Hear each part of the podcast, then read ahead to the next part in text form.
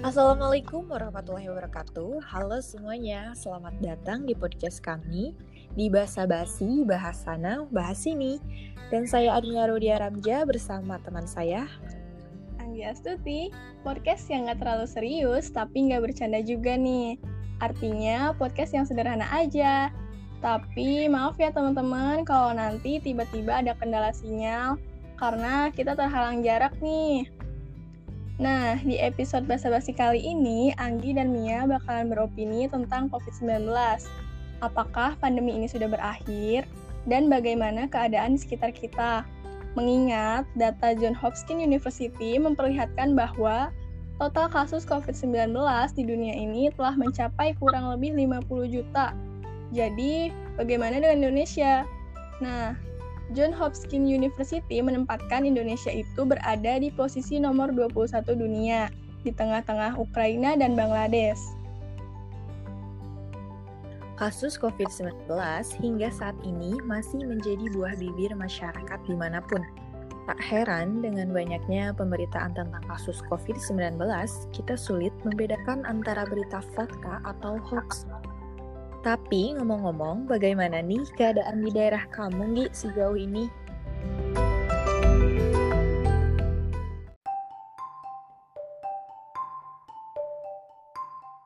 Nah, pandemi di kotaku ini karena kotaku berdekatan dengan Jakarta, jadi kurang lebih situasinya tuh selalu hampir hmm, mirip-mirip hmm, iya. gitu ya, Mi, sama Jakarta. Kalau sekarang sih Eh, nggak seketat dulu ya waktu awal-awal pandemi. Dulu kan ada PSBB dan lain-lain gitu. Ya itu tadi karena memang udah gak, udah ada pelonggaran PSBB juga dan uh, walaupun ya tetap harus selalu memperhatikan protokol kesehatan kayak pakai masker, terus juga cuci tangan, jaga jarak itu sih. Kalau untuk pertambahan kasus sendiri masih ada, tapi kayaknya sih ya masyarakat tuh udah mulai terbiasa kali ya sama keadaan. Jadi ya udah aktivitas tuh berjalan kayak biasa aja nih. Nggak nggak yang gimana banget gitu. Cuma ya bedanya pakai masker aja. Nah berhubung pandemi ini berimbas yeah. ke ekonomi juga ya mi. Jadi masyarakat tuh lumayan kena dampaknya. Contohnya nih aku dengar keluhan dari salah satu driver ojol yang ojek online ya katanya tuh mereka sepi orderan, baik itu orderan makanan atau antar jemput penumpang. Terus ada juga eh, pedagang-pedagang yang omsetnya tuh nggak sebanyak sebelum COVID-19 ini, Mi. Gitu sih yang aku rasain di kotaku. Kalau di kota kamu sendiri gimana nih, Mi? Soalnya kan di Indonesia sendiri perkembangan kasusnya itu beda-beda nih. Pasti situasinya juga lumayan beda ya, gitu kalau ya. di Gimana kota Mia sih kota. Kota apa? Kampung ya. kalau di kota Mia sih ya seperti biasa ke mana-mana emang iya sih se semua juga harus pakai masker terus menerapkan seluruh protokol kesehatan yang udah di uh, apa dikasih tahu sama si pemerintah terus uh, apa ya bedanya? Ya paling ke mana-mana pakai masker terus abis dari mana-mana cuci tangan terus jaga jarak juga tapi uh, melakukan aktivitas seperti biasa.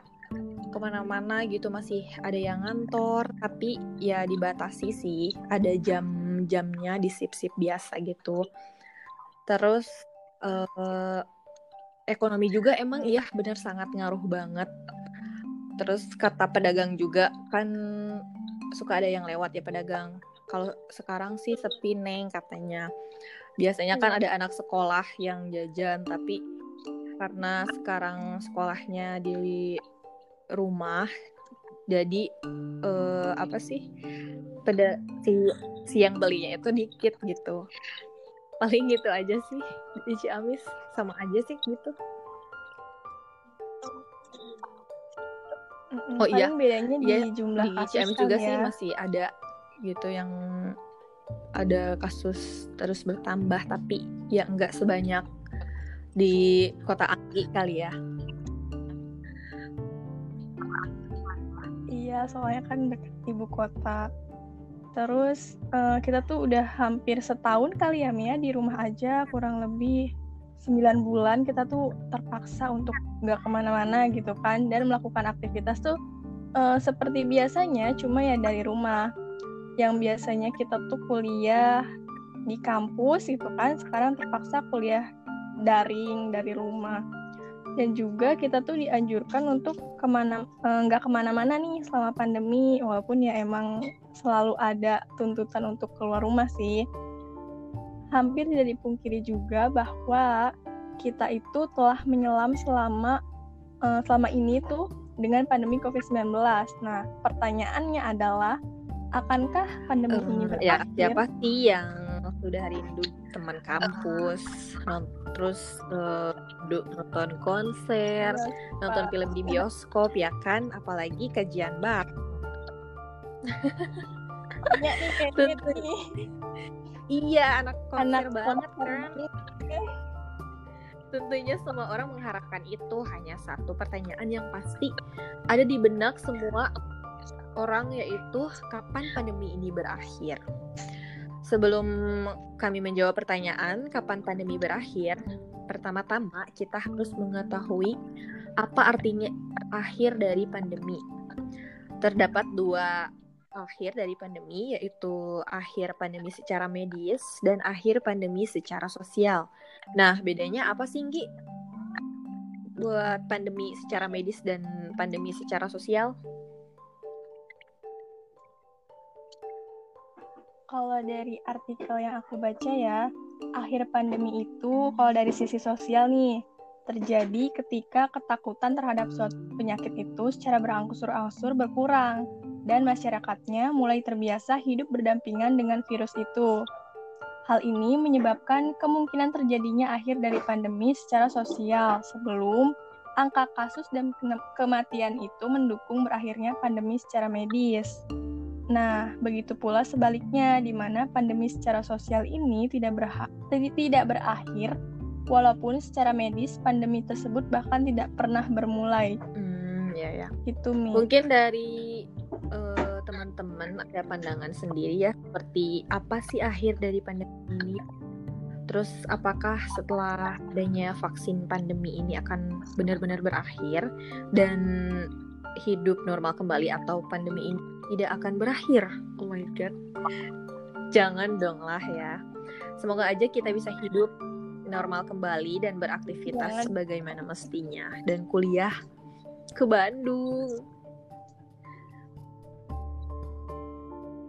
Iya dong pastinya buat teman-teman juga bisa sekolah lagi. Kasihan banget kan yang pedagang-pedagang yang cuma menggantungkan dari hasil orang-orang yang bersekolah gitu kan yang kuliah.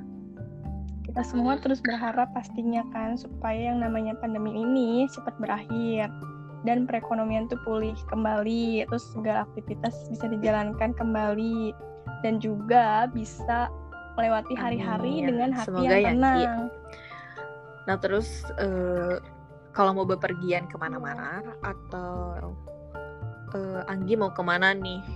Ke warung atau ke mana? Kan harus jaga protokol kesehatan ya. Ya tetap tetap harus menggunakan masker Pastinya. terus kalau udah dari luar uh, tetap uh, cuci tangan dan kalau menghadiri acara yang banyak orang atau kerumunan tetap jaga jarak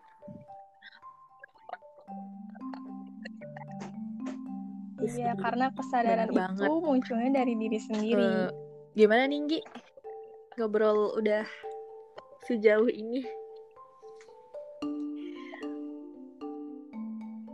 Udah dulu kali ya episode basa-basi kali ini.